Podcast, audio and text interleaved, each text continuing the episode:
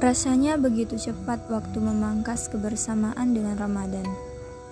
Namun nyatanya, kita yang tak maksimal menuangkan rindu di bulan ini. Kita hanya menunggu ia tiba dan berleha-leha saat ia akan pergi. Rasa menyesal di detik akhir bersama Ramadan datang lagi. Kita tahu kita yang salah.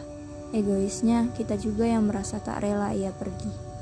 Apa pun itu, segala apa pun kita ditinggal Ramadan, Mari menyambut Syawal dengan gembira. Titip salam ya untuk keluarga di rumah. Doa kita masih sama. Semoga bertemu kembali dengan Ramadan bersama versi yang lebih baik.